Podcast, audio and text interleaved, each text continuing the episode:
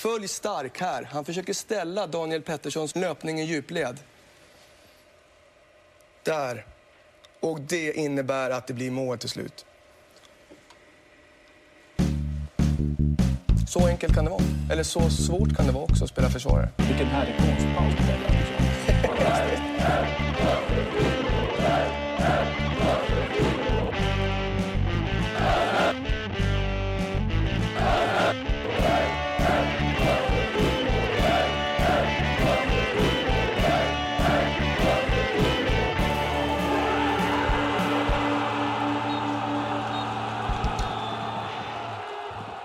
hjärtligt välkomna till det femte avsnittet av Alternativa Österpodden. Och det här är ju en eh, nyårsspecial, precis som traditionen bjuder. Jag säger välkommen till dig Petter. Tack. Tjena. Eh, vi kan ju också avslöja att vi idag spelar in på en mycket speciell plats, nämligen på Öster i Växjö, där du har haft den goda smaken att bosätta dig. Ja, det var, det var ju en av anledningarna till att det just blev på Öster. Det var ju den historiska aspekten. Ja, Och jag tog eh, reda lite på hur det var nu med det här grundandet. Det, går, det ryktet säger att det var på Staglaberget. Som ligger, det ligger ändå en ganska bra bit härifrån. Så det är andra sidan öster kan man säga. Mm. Men efter lite googlande så eh, fick jag fram att det var 15 pojkar som tillsammans bildade föreningen Östers FF. Mm. Eh, på stadsdelen Öster då i Växjö. Det gjordes på en virkeshög på Parkvägen. aha. Och då undrar ni såklart, var ligger Parkvägen? Det undrar vi. Och om vi kollar ut genom fönstret, nu är det mörkt, men eh, ni ser de, eh, den röda bilen som står där mellan träden. Ja, lyssnarna har ju lite svårt att se Ja, de har ju lite svårt att se. Men, eh, men ni kan ju intyga Ja. att ni, ni ser det på mitt, mitt Ja. fönster. Ja. Det är Parkvägen. Aha, då är det verkligen klassisk mark. För vad Ja. kan det vara? 200 meter dit kanske? Eller? Ja, det är kna- ja, Ja. nå- någonstans eh, 200 meter. Ja, det är. Eh, och eh, det var tydligen så att eh, de hade någon gräsplätt där och då fick de hugga ner en tall för att eh, få igång en fotbollsplan där. Ja, det var väl, eh, vi samlades under taket där på byggmästare Petterssons eh, förråd. I avsnitt tre hade vi en fråga där jag läste upp en rad med siffror och det visade sig att det var ju en tabellrad från Östers IF säsong 2005 ju som var rätt svar. Ja. Där var det ju en eh, kille som lämnade in ett väldigt kvickt svar och det är med stor glädje vi kan avslöja att han accepterade det pris han fick, nämligen att bli den första gästen i podden någonsin. Och därför säger vi välkommen hit Anton Svensson. Tack så jättemycket. Har du någon favorit-Anton som har spelat i Öster genom åren kanske? Det måste ju bli Anton Axelsson. Just Ja, det. just det. Han gjorde ju ett legendariskt mål på eh, Stockholmsstadion mot Café Opera. Var det den du såg live? Den har jag sett live ja. Och eh, då stormades ju planen där när Öster gick upp i Allsvenskan. Men Av alla förutom Ja, jag dig. vågade inte. jag satt faktiskt kvar där på läktaren för jag vågade inte riktigt springa in där. Men, men eh, det var ju en fantastisk upplevelse. Ett av mina bästa Österminnen någonsin. Öster i röda tröjor och första skottchansen i matchen ganska snabbt får Peter Wibron. På tal om bästa Österminne som du pratade om Ja. så är det väl kanske det jag också kommer ta upp nu. Härligt. Och då kommer vi förflytta oss bakåt i tiden till en sensommardag för 15 år sedan. Närmare bestämt till måndagen den 25 augusti 2003. Ännu har höstens mörker och kyla inte börjat göra sig påmint när Växjöborna nervöst vankar av och an på arbetsplatser, skolor och på stadens gator. På kvällen kommer en besviken Stefan Holm ta VM-silver i höjdhopp. Och en överlägsen Christian Olsson kommer ta guld i tresteg. Men det är inte friidrott som Växjöborna tänker på denna dag. Ikväll vankas det nämligen batalj på Värensvallen. Som eh, motkombatanter står Stockholmslaget Hammarby som två år efter sitt SM-guld har en stark säsong bakom sig i Allsvenskans toppskikt. De räknar med en enkel seger både på plan och på läktare mot ett Öster som huserar i seriens botten med sikte mot den eftersträvansvärda kvalplatsen som för tillfället innehas av GIF Sundsvall. Faktiskt på samma poäng som Öster. Öster har under sommaruppehållet hämtat hem hänföraren Peter Wibron från Hansastaden Rostock. Och på ett närmast medeltida vis har Wibron inför kvällens match lyckats locka över ett hundratal tyska legoknektar till Värensvallen som tillsammans med Eastfront ska komma att dominera läktarmatchen. Klockan sju drar matchen igång och Öster tar direkt tag i taktpinnen. 1-0 görs redan i den åttonde minuten då Andreas Ottosson nickar in sitt andra mål för säsongen. Denna gång assisterad av den kvicka vänstermittfältaren Johan Svensson. Strax efter Östers ledningsmål får Hammarby och Kennedy Bakircioglu ett lysande frisparksläge några meter utanför Östers straffområde. Kennedy lägger upp bollen, tar sin ansats och slår till. Men det är inte Kennedy som denna kväll kommer frälsa den svenska fotbollspubliken med årets vackraste frisparksmål. Istället tar skottet i Björn Stringheims vänstra kryssribba och Österförsvaret kan pusta ut.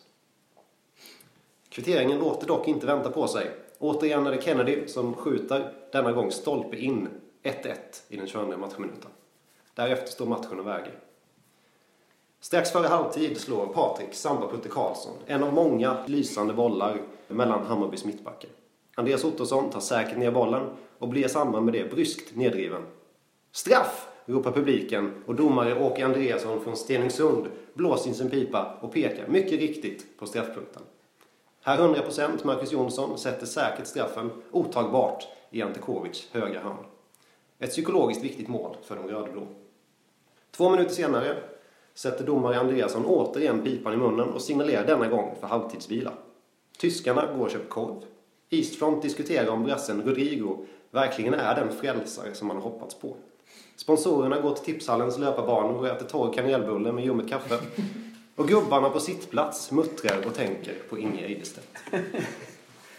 I början av andra halvlek trycker Hammarby på och Öster får se den vikarierande anfallaren Mikael Andersson göra både 2-2 och 2-3 inom loppet av 10 mörka minuter. 68 minuten och frispark till Öster. 40 meter från Hammarbys mål. Fredrik Bild flyttar upp. Christer Thor flyttar upp. Ett lysande läge för inlägg, tänker alla. Alla förutom Daniel Pettersson. Efter en ovanligt lång ansats trycker Daniel till bollen som likt en projektil sveper över både Bilds och Tors huvuden utan att de hinner reagera. Reagera hinner knappt heller Antikovic innan bollen rasslar till i hans högra kryss. 3-3 är ett faktum och Daniel Pettersson har gjort årets och samtidigt sitt livs snyggaste frisparksmål. Men med 10 minuter kvar av matchen får Öster ytterligare en kalldusch då Mikael Andersson fullbordar sitt hattrick och gör 3-4 till Hammarbys favör. Som så många gånger förr denna säsong verkar Öster gå lottlös över en match och hoppets ljus börjar slockna. En strimma hopp väcks ändå några minuter senare när Johan Svensson kommer runt på sin vänsterkant och slår ett inlägg till en friställd Peter Wibron.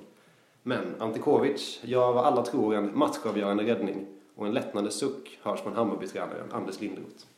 Öster lyckas dock återerövra bollen och i matchens sista minut misslyckas Hammarbys backlinje med att ställa den djupledslöpande Daniel Pettersson offside. Pettersson slår ett inlägg mot ett straffområde fullt av grönvitrandiga spelare. Likt en murbräcka gjord av hårdaste småländska granit vräker Andreas Ottosson sig fram, sätter pannan mot bollen och gör 4-4.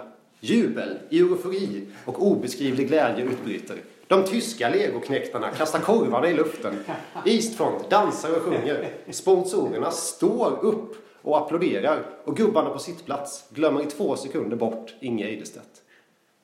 Och jag, en 15-årig kille som kan offra både moped och nyinköpt elgitarr för att Öster ska stanna kvar i Allsvenskan. Jag kan efter slutsignalen, med värme i hjärtat, åka hem och börja räkna på möjligheterna för Öster att nu hålla fast vid den där jäkla kvalplatsen. Ah, vad vackert. Ja, Ja, det, var, det var en härlig resa du tog med oss på det här tycker jag. Ma- Man fick eh, matchen lite så här framför ögonen Ja, när, du läste upp det här fina. Ja. Vad har ni för minne av denna matchen? då?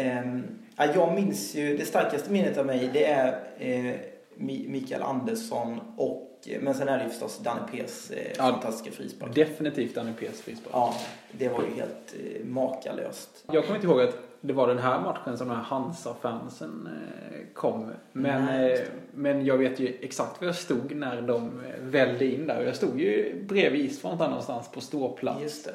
Och det var ju, ja, de stod där nere väldigt nära staketet. Det kändes inte som att de såg någonting. Med vita tröjor. Ja, vita tröjor ändå. Men då gissar jag att det är där den här ramsan som Eastfront sedan anammade för första gången sjungs. Den här la la la la la quack quack quack quack. Det måste ju vara det eller? Jag vet. Man sjunger det mot bortaklacken liksom. Va, va, Har ni aldrig hört det? Jo, jag har hört att, men varför skulle det vara just den? Nej men alltså Hansa-fansen sjöng den och sen tog Eastfront över den. Jaha. Det är jag ganska säker på. Ja, Ja. mycket, mycket Var mer. du där Erik? Jag var där. Ja. Ja. Var var du för någonstans? Eh, Jag stod också någonstans i klacken. Men du och jag kände inte varandra så mycket då va? Nej, det gjorde jag inte. Nej. Eh, Men jag var absolut där. Och, Var eh, du och jag där tillsammans med dig? Det kan ha varit så. Man kan ju titta på ett väldigt fint YouTube-klipp. eh, Ja, det, det har jag kollat många gånger på. Ja, som sammanfattar matchen väldigt fint. Ja. Och då, då slås man ju av hur jäkla mycket bra fotbollsspelare det finns på den planen. Ja. Många som blev bra. Ja. Kennedy nämnde du. Han blev Ja, exakt. okej.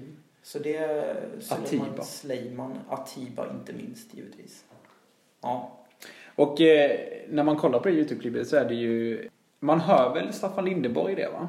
Det kändes som en väldigt eh, sympatisk man från Jönköping va? Ja. Ja. Pingiskille. Ja, precis. Det är min pappas... Eh, en av hans bästa berättelser när han slog Staffan Lindeborg i pingis. Ja. Han var inte så bra tydligen. För det Men var det- inte min pappa. Det är en bra story. Det är en bra story. Ja, men tack så jättemycket Anton. Det var en eh, härlig resa du tog oss med på. Ja. Men, Eh, vi, men vi slutar väl inte där va? Nej, jag tänkte vi drar lite, vad hände Allsvenskan 20, 2003? Vi minns att Djurgården vinner eh, guldet. Kim Källström var en här- härförare det Mm. året, vad jag minns. Åkte ur och gjorde ju Öster då tyvärr och även Enköping. Mm. Jag kommer ihåg att Öster spelade två matcher mot Enköping sådär borta hemma mitt i sommaren. Och det var väl just då den här Joao Rodrigo gjorde debut. Han gjorde ju mål även första matchen va? Ja. ja, det gjorde hon. Och då tänkte man så här, jävlar nu har vi hittat något här. Nu har vi gjort det Kalmar har gjort tidigare. Ja, precis. Ja. Men så blev det inte riktigt fallet. De som gick till FA-cupen eh, det året, det, det var ju Hammarby då. De kom två i Allsvenskan. Mm. Elfsborg vann cupen. Och så var det ett lag till som gick till- FA-cupen. Kommer ni ihåg vilket lag det var? Så, så Djurgården etta, Ja, de gick i Champions League då. Hammarby tvåa. Ja, och sen så vann Elfsborg cupen och gick till Uefa-cupen. Ja men eh, Öster. Precis, det var ju Ja, Öster av den här härliga anledningen att de fick minst gula kort. Det, det var väl till och med så här va att det var typ Djurgården eller Hammarby som fick minst gula kort. Ah. Och de hade redan en plats till Europa. Så Öster fick, hade väl andra eller Ja, tredje. det är en bra story. Det, det är väldigt bra. Och det gick inte jättebra i FA-cupen där sen. Vann någon match mot något estniskt Jag kommer ihåg att det fanns ett lag som hette Lipajas Metallurgs Ja. som jag tror Öster spelade mot. I vilket fall som helst så lyckades även Malmö gå ut i Europa till den berömda Intertoto-cupen. som fanns på den tiden. Det är lite synd att inte den finns längre. Ja, men de har ju öppnat för att starta en ny eh, Europacup, eh, Europa League 2 eller något sånt där. Ja, okej. Så- Och där kommer alltså tvåan i Allsvenskan att få spela. Men varför skulle de inte kunna kalla den för Intertoto-cup? Jag vet inte. Det, Ja. Du får skicka in det till Uefa Jag- som ja. förslag. Skyttekung blev Niklas Skog, Malmö FF. Mannen med rumpan. Ja, exakt. 22 mål tror jag. Ja. Ja, det kan nog stämma. Bästa publiksiffran var mellan IFK Göteborg och ÖIS. 40 382 personer. Derbyt på Nya Ullevi. Då ska jag väl tillägga att möjligheten att ha mer åskådare fanns ju inte för Stockholmslagen eftersom Råsunda användes. Och Nej. den tog inte in mer. Men kan det vara, vara så att det publikrekord slogs... Ja, det slogs väl givetvis när Friends Ja. öppnades. Nu har det varit mer. Mm. Men det höll sig nog väldigt länge det där Mm. Det var ett publiksnitt i Allsvenskan på 10 210 personer. 30 styck, stycken fler än 2001. Det var ju så att, eh, hörde jag i någon, jag vet inte var jag hörde det, men eh, 1999 så började Allsvenskan sändas på det gamla Kanal Plus. Ja. Och då började även publiken strömma till arenorna i Allsvenskan. Just Så då, eh, då gick publiksnittet upp ganska mycket. Ja. Men visst var det väl så att eh, när Öster premiärspelade där mot Djurgården eh, då var det väl en, en 12 till 13 000 på den? Ja, det var nog Det var 15 000 kanske till och med. Ja. Eh, Jag kommer ihåg att man fick köpa biljetter väldigt långt Ja. innan och man fick, vi fick biljetter till ståplats. ja, Och vi var ju där timmarvis innan för att få en hyfsad plats. så var det. Eh, Ska se om han jävligt har- kallt. Nej, Jag hittade Östers publiksnitt var 7025. Ja, okej. Det är helt okej. Ja. Ja, men om vi hoppar tillbaka till matchen så har jag letat lite i arkiven. Ja. Eh, och i Aftonbladet så skrev man lite kort om matchen och betygsatte även eh, spelarna och eh, lagdelarna. Eh, ska jag dra lite av det eller? Det tycker jag. Eh, domaren fick 4 plus. Åke. Eh, vi ska här. Åke Andreasson, Andreas. Stenungsund ja. Mm. ja. Ehm, kille. och eh, matchen som helhet fick också 4 plus. Det var väl även den målrikaste matchen i Allsvenskan det året? Ja, det var det. Om vi då går in på Östers lagdelar så får ju defensiven, vad tror ni? Eh, fyra mål insläppta. Ja, jag tror ändå de får två plus. Ja, kan Ett plus ska mycket till. Två plus. 1 plus fick defensiven. Ja. Med motiveringen, fyra insläppta mål är oavsett motståndets eh, insatser alltid ett tecken på att försvarsspelet inte fungerar. Eh, det kan man väl hålla med om kanske. Mm. Eh, offensiven då? ja, det borde ju med den logiken då få fem plus. Ja, men det tror jag inte de fick. Fyra. Ja. Fyra är det. Eh, Andreas Ottosson nämns, även Peter Wiberg och Atiba Hutchinson. Och Daniel Petterssons frispark nämns också lite kort. ja. Tränaren, Lite eh, kort. Ja, ja, ja men det är ett kort. Ja, okej. Ja. Tränaren, som vid det här laget är Leif Widén, Just som har tagit över. Efter, efter Schenka. ja. Och det var någon gång mitt i sommaren då. Han måste ju ha gjort några matcher innan. Jag gissar det. Eh, Ja, det har vi ju haft. Leif Widén som eh, helst inte bytte in så mycket spelare va? Nej, och det märks ju också i den här matchen. Ja. Eh, han tvingas göra ett byte när Björn Stringheim blir skadad. Jaså? Han stukar foten tror jag. Ja. Peter Kenfors kom in. ja. Det måste så- varit sent i matchen eller? 85 minuter. Ja. Och sen byts Johan Svensson ut för Alexander Sten i eh, Just det, 92 minuten. Där har vi ju... Och där- han och Anton Axelsson var ju lika gamla är jag rätt säker på. Och Alexander som ju provspelade med Aston Villas ungdomsakademi. Mm. Vad, vad var det? Kommer ni ihåg vad han kallades? Eh, Acke eller? Nej, alltså, nej, han kallades den lilla, kick, lilla flygande kycklingen. Jaha, det har jag nästan inte hört faktiskt. Jo, det, det har jag för mig. Ja. Det kan vara till Stenslanda lokal. Eh, Leif Widén då, hur många plus fick han? Eh, tre. Ja, kanske. Ja, Ja, tre plus fick han. Mm. Med motiveringen att Leif Widén har gjort Öster till ett lag. Mm. Kort och gott. Och då har de ändå släppt in fyra mål. ja, Ja. Fansen, Ja, men det bör vara en fyra ja, det måste det vara med de här Hansa och... snålt en tre plus. Ja.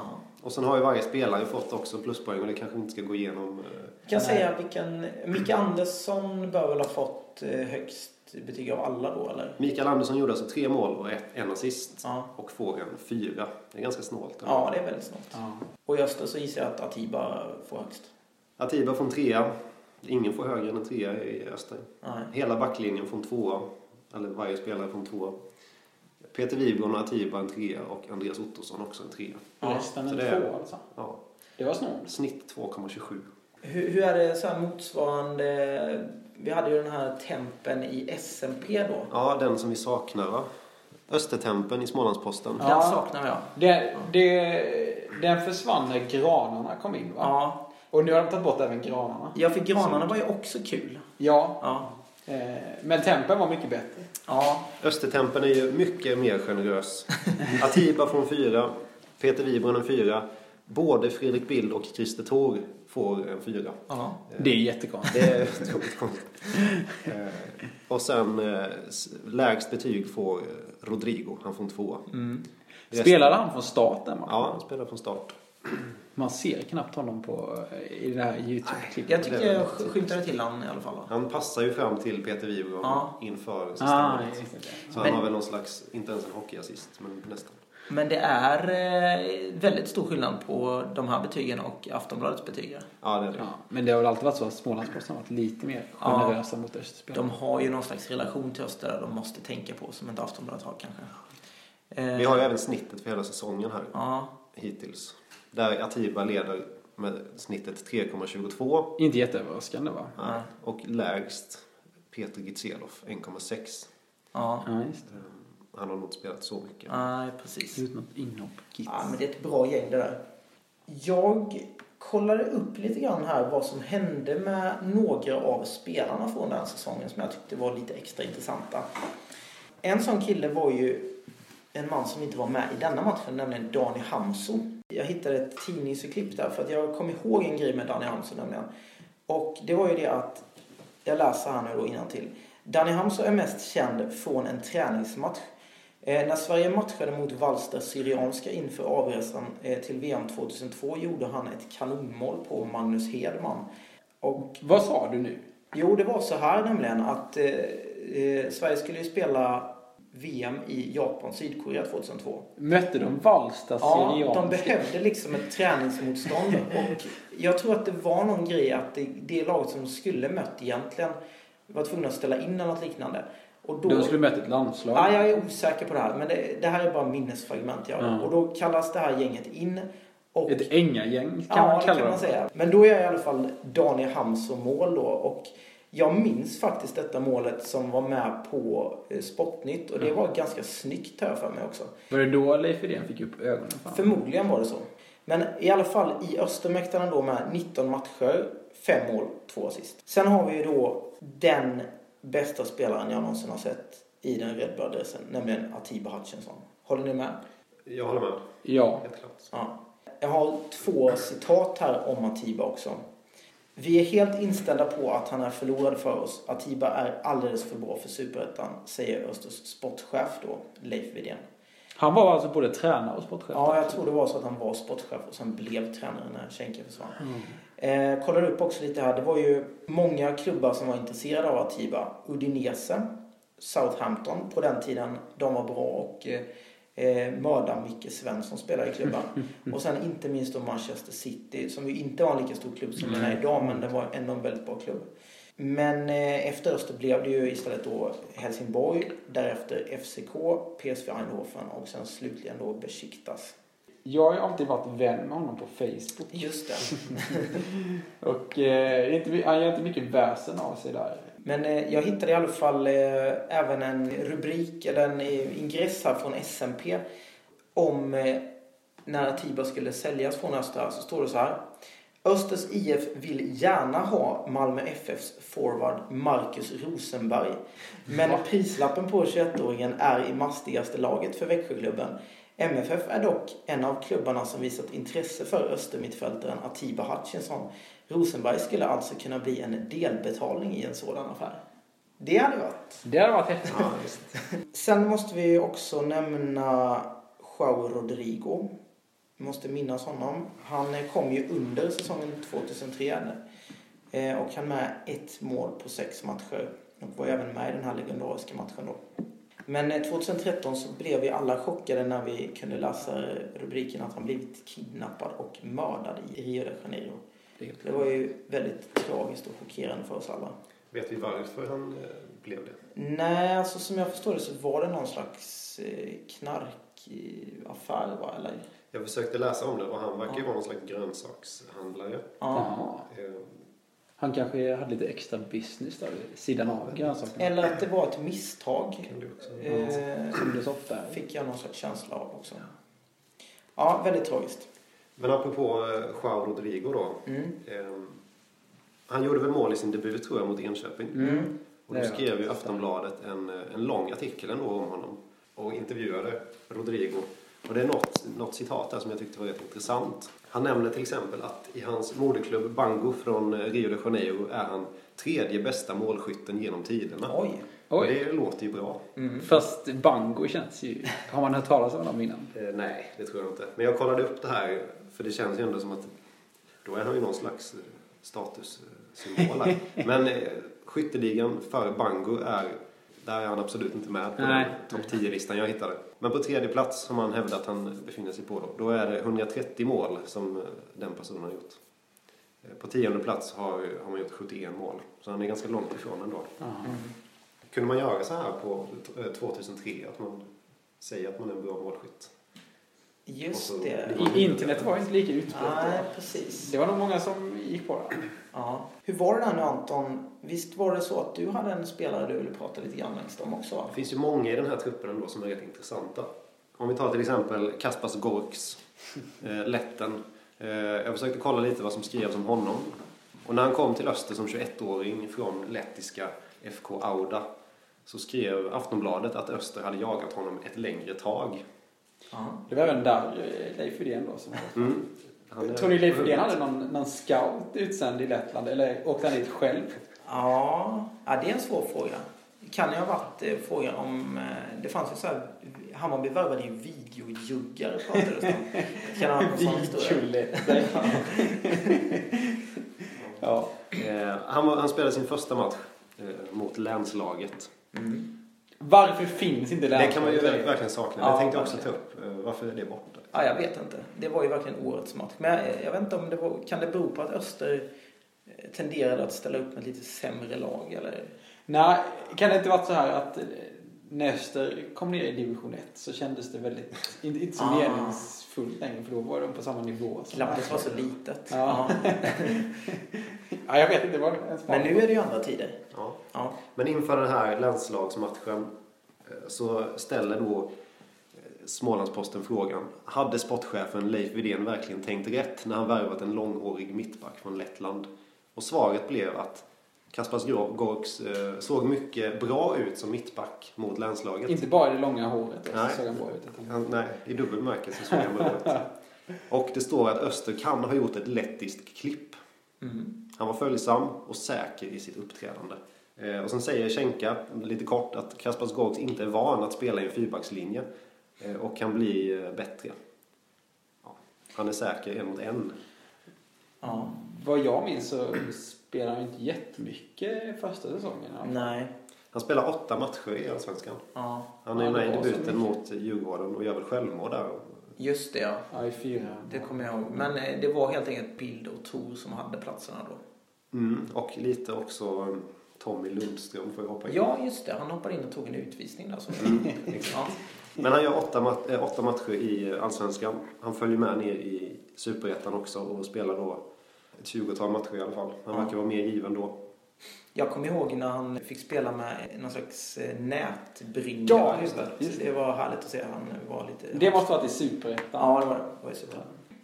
Och året efter, då när han har lämnat, så sammanfattar Smålandsposten Kaspars Gorks sejour i Öster. Och då skriver de Kämpade i alla fall. Någon, någon större fotbollsspelare var han däremot inte. Betyg två av fem. Ja. Oj, det var, det var snålt. ja, man gillade ju Kaspars. Ja. Fast, ja. I, vid den här tiden så eh, hittade jag ett litet klipp eh, om eh, Kaspars Gorks som är inspelat vid den här tiden. Och det är från ett radioprogram som heter Hej Domstol. Mm. Som gick i P3 mellan 2003 och 2006. De som hade programmet var Jesper Rönndahl, Kalle Lind, ja, Ola Norén och Valle Westesson. Eh, Och de hade ja, en stark eh, uppställning ändå som programledare. De hade ett inslag som hette Veckans Balt. Eh, Och jag tänker väl att vi kan lyssna på det inslaget. Det, är Det tycker jag absolut. Ja. Vi talar naturligtvis om just det, veckans balt. Det har blivit vecka 14 2005 och veckans balt den här gången nominerad av Anton Svensson som har skrivit in sin nominering till P3 Domstol sr.se blir Spännande. Verkligen spännande. Kaspars Gorks! Det var Åh, roligt. vad Äntligen! Kaspars Gorks. Alltså Öster IFs stadiga mittback. Hallå? Hej, är det Kaspars Gorks? Yes. Grattis till veckans balt, Kaspars Gorks! Hela veckans Balt-redaktionen har just utnämnt dig till veckans Balt, Kaspars. Hur känns det? Ja, det är bra. Om du skulle beskriva dig själv med tre ord, vad skulle det vara? Stor och stark. Du, Kaspars Gorks, det är Anton som har nominerat dig med, mo- med motiveringen att du kanske inte är den allra snabbaste spelaren i Öster IF, men att du inger respekt. Vad har du att säga om det? Jag tror det är så. Det, det tror vi på veckans Balt-redaktionen också. Ska Nåväl. vi eh, utropa ett fyrfaldigt leve för Kaspars Gorks? Han leve! Hipp hipp hurra, hurra, hurra, hurra! Och det var alltså du som hade skickat in Det var det? jag som skickade in det.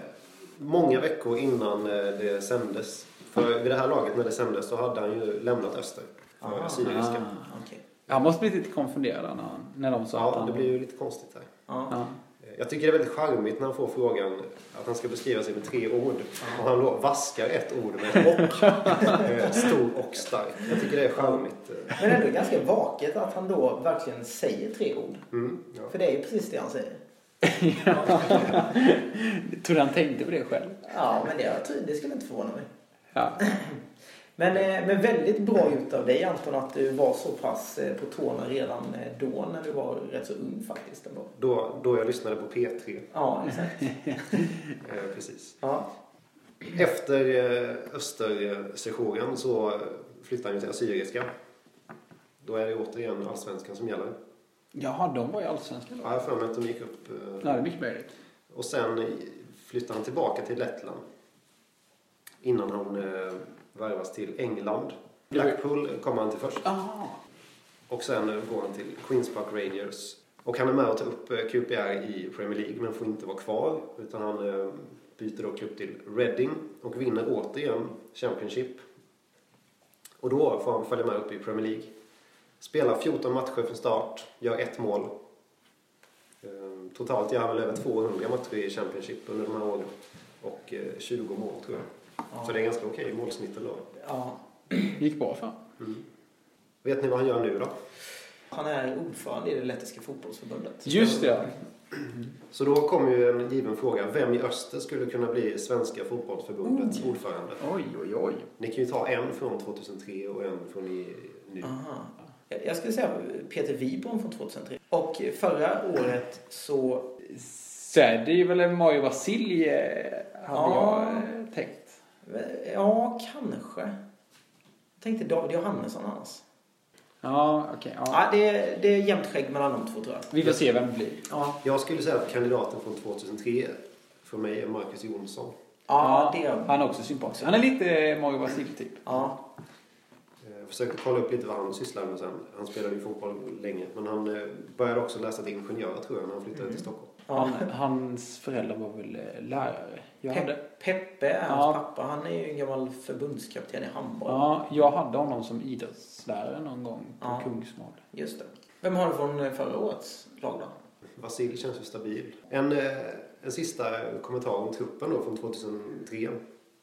Jag, jag kollade på truppen och jag tycker inte att den är så jättedålig så att den borde åka ur så, så som de gjorde. Eh, De är ju väldigt långt ifrån en, en plats att få vara kvar i Allsvenskan. Det skiljer väl nästan 15 poäng upp tror jag, Ja. från kvalplatsen. Men om vi kollar på truppen så har vi Björn Stingheim. Han är väl på sin topp här. Mm. Och sen är det ju många som är ganska unga vid det här laget. Joakim Karlsson, högerbacken. Eh, han, han flyttade till Gävle sen.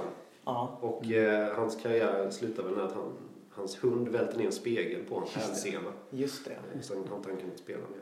Men han var ju ändå okej allsvensk spelare känns det som. Jag blandar ju alltid ihop Joakim Karlsson med den du ska komma näst till antar jag. Patrik Karlsson. Ja, Patrik Karlsson kommer vi till. Ja. Han flyttade till Gävle också och sen vidare till AIK. Just Ja. det. Eh, också allsvensk klassen. då. Var inte han... Stabil. Ja, just det. Ja. Marcus Jonsson, AIK. eh, Och sen även med i landslaget. Spelade Ja. fyra matcher i, på någon... eh, Januari-turné. Ja, Mm. precis. Med Lars Lagerbäck. Mm. Fredrik Bild behöver vi inte säga så mycket om. Kaspars Gorks, det pratade vi om nyss. Mm. Eh, ändå Premier League-spel sen lite senare. Eh, det är ju backlinjen som känns rätt okej va? Eh, glömde, det glömde Danne P va? Eller spelar han? Han spelar väl både back och mittfältare. Christer Thor. Christer Thor och Tommy Lundström har vi också med där. Ja. Mittfältarna, Johan Svensson. Mm. Min favorit under det här året. Ja, han var väldigt... Han var fri. Ja, minst sagt.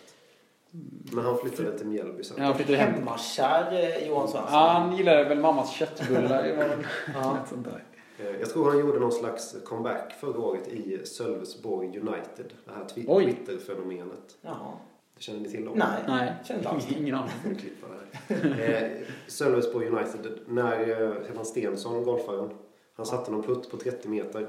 Och då lade upp de, den här klubben upp då på Twitter att från det avståndet kan våra spelare inte ens träffa mål. Aha. Eh, Och det fick ju någon slags eh, eh, viral, ja det blev någon slags viral succé då. Var det då Johan Svensson började? Nej, det var året efter sen tror jag. Eh, Men det finns mycket, ja de verkar vettiga ändå i den klubben på sitt sätt. Även fast det, de är från Sölvesborg. alltså. Ja, precis. Mm. Det är just det. Eh, Konstigt. Men vi har även Peter Wibron, eh, han har ju meriter. Eh, Atiba Hutchinson. Fick meriter. Och det är just det, att de får meriter efteråt. Mm. De är ganska unga i det här laget, många av dem. Eh, Daniel Pettersson, Dennis Velic har vi med. Danne P var ju fruktansvärt bra den säsongen de gick upp framförallt där. Alltså säsongen innan här. Mm. Eh, och jag tänkte faktiskt tanken då att nästa år så kommer han spela i landslaget. Så blev det ju inte. Men han satte ju i alla fall den här läckra frisparken. Det gjorde han. Ja. Minns jag helt fel? Eller var det så här att han satte en nästan exakt likadan frispark lite senare? Det har du helt rätt i. Eh, Jag, jag spelade faktiskt, han eh, avslutade sin karriär i Hovshaga. Jag tror du också var med i den. B-lagsmatchen Anton. Och då fick ju Hovshaga ett jäkligt bra frisparksläge. Men han fick inte ta frisparken. Det var en annan kille som tog den. För jag tänkte nu jävlar. Det smäller. Ja. I eh, Jim Lindstens höger. ja, exakt. Men eh, det blev eh, inte han som fick ta den frisparken. Och då blev det inte mål heller förstås. Nej. Den svagaste lagdelen, det är väl kanske anfallet då. Ja. En, en frisk Ludvig Andersson kanske hade kunnat göra lite mål. Det tror jag nog. Och även Ottosson skulle väl också kunna få lite mer möjligheter då. Mm. Danny Hamso var han så Mm. bra egentligen. Inte så egentligen. Rodrigo var väl kanske inte Nej, tyvärr. succén som man tro- tänkte. Han spelade väl några matcher Ludde ändå? Ja, det gjorde han.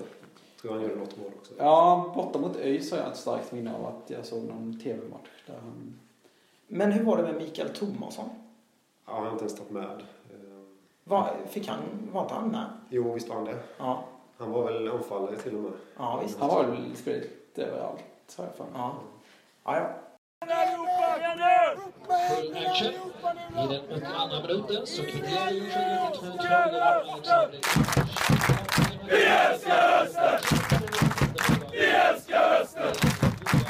I förra veckans avsnitt så eh, körde vi ju ett Vem där? Eh, jag Ett får- nytt segment som eh, podden har börjat med. Precis. Så vi kan avslöja att vi kommer rulla vidare lite mer med det. Det, kom, det kommer rulla vidare där. Jag har fått lite feedback på det. Det var ganska svårt tydligen. Och eh, det visade sig att vi har endast fått in ett enda svar i våran mailbox. Vi fick ändå in ett svar. Ja.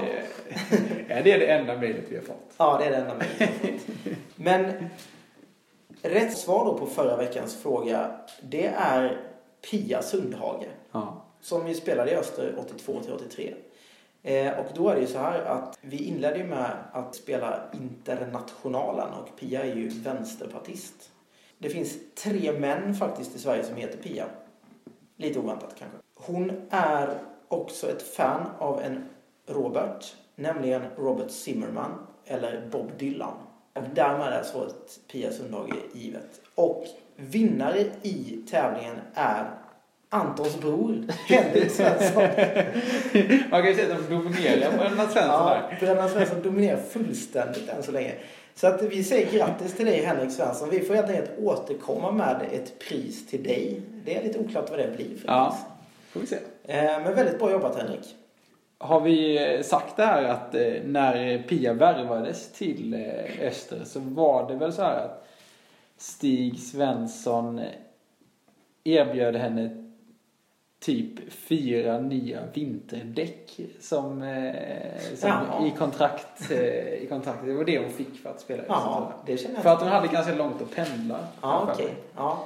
Kommer väl från Örebro-trakten, va? Jitex eller någonting. Ja, kanske. Inte så. Ja. Men nu är det så att vi har en ny Vem där? Vem, vem är där? Vem är